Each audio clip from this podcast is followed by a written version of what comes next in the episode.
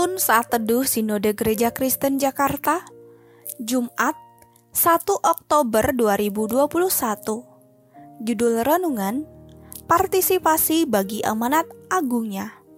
Nats Alkitab terambil di dalam kitab Matius pasal 28 ayat 17 sampai 20 dan Markus pasal 16 ayat 15.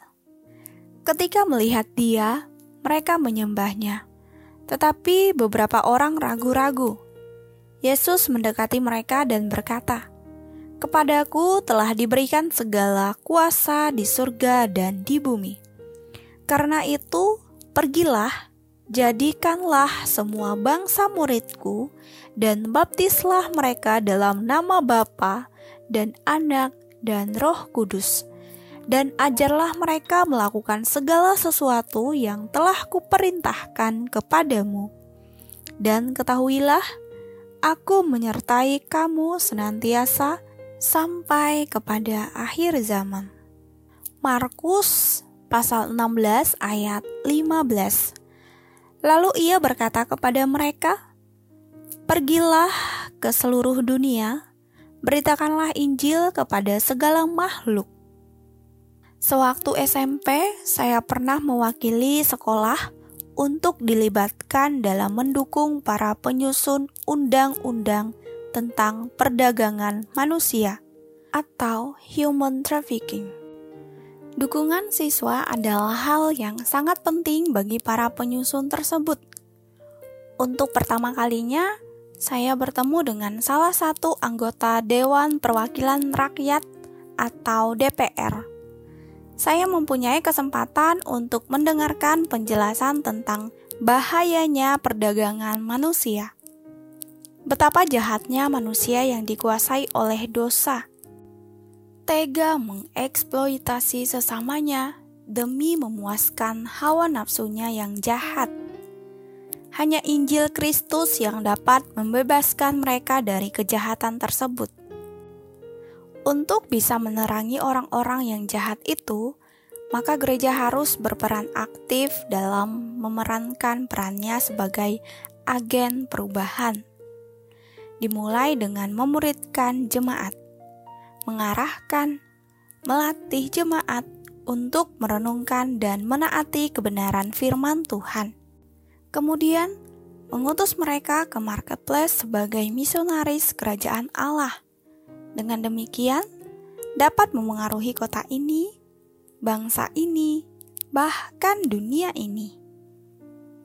Pada nats renungan hari ini, Kristus memberikan amanat agungnya bagi murid-muridnya. Sasaran dari amanat agung itu adalah menjadikan semua bangsa menjadi muridnya. Semua usaha yang dimulai dari penginjilan, baptisan, dan ajaran bermuara kepada semua suku, bangsa, dan bahasa menjadi murid Kristus. Sebuah misi yang sangat besar. Misi mencakup dunia, tetapi tidak sampai di sana.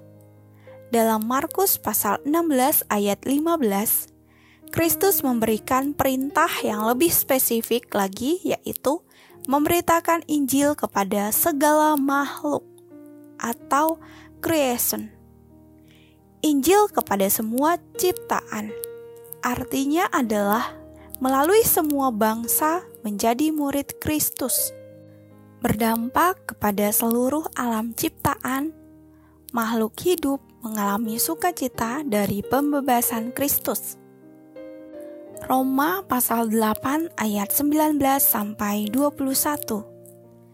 Ini adalah proyek yang sangat besar. Semua murid Kristus dipanggil untuk terlibat dalam amanat agung ini. Tentu Kristus tidak membiarkan mereka melakukan amanat agung ini dengan kekuatan diri mereka sendiri. Melainkan, dia memberikan kemampuan, kekuatan, kesatuan kepada mereka. Dia senantiasa menyertai murid-muridnya untuk melakukan amanat agung ini sampai kepada akhir zaman. Ayat 20 kita adalah murid-murid Kristus yang diberikan amanat agung ini. Kita adalah gerejanya yang harus bersatu, bahu-membahu untuk mengerjakan amanat agung ini. Dimulai dari diri kita masing-masing yang terus berjuang untuk menghidupi kualitas seorang murid Kristus. Kita mau dilatih untuk menaati kebenaran firman Tuhan. Kita mau dimuridkan, diarahkan oleh orang-orang yang Tuhan pakai untuk memuridkan kita di tengah-tengah gereja maupun komunitas rohani kita. Kita mau diperlengkapi sebagai murid Kristus sekaligus misionaris kerajaan Allah untuk memberitakan Injil Kristus kepada jiwa-jiwa yang terhilang. Kita siap diutus ke marketplace untuk memerankan peran kita sebagai agen-agen perubahan. Melalui Roh Kudus yang berdiam di dalam kita akan menyertai, menguatkan, menopang kita untuk mengerjakan amanat agung ini. Siapa pun kita, apa pun profesi kita, bagaimanapun masa lalu kita, di dalam anugerah Allah, kita dijadikan murid Kristus sekaligus misionarisnya untuk menyuarakan kebenaran bagi lingkungan kita, kota kita, bangsa ini, bahkan dunia ini. Tidak ada keagungan lebih tinggi dalam hidup ini selain mempersembahkan diri bagi amanat agungnya. Amin. Terima kasih. Tuhan Yesus memberkati.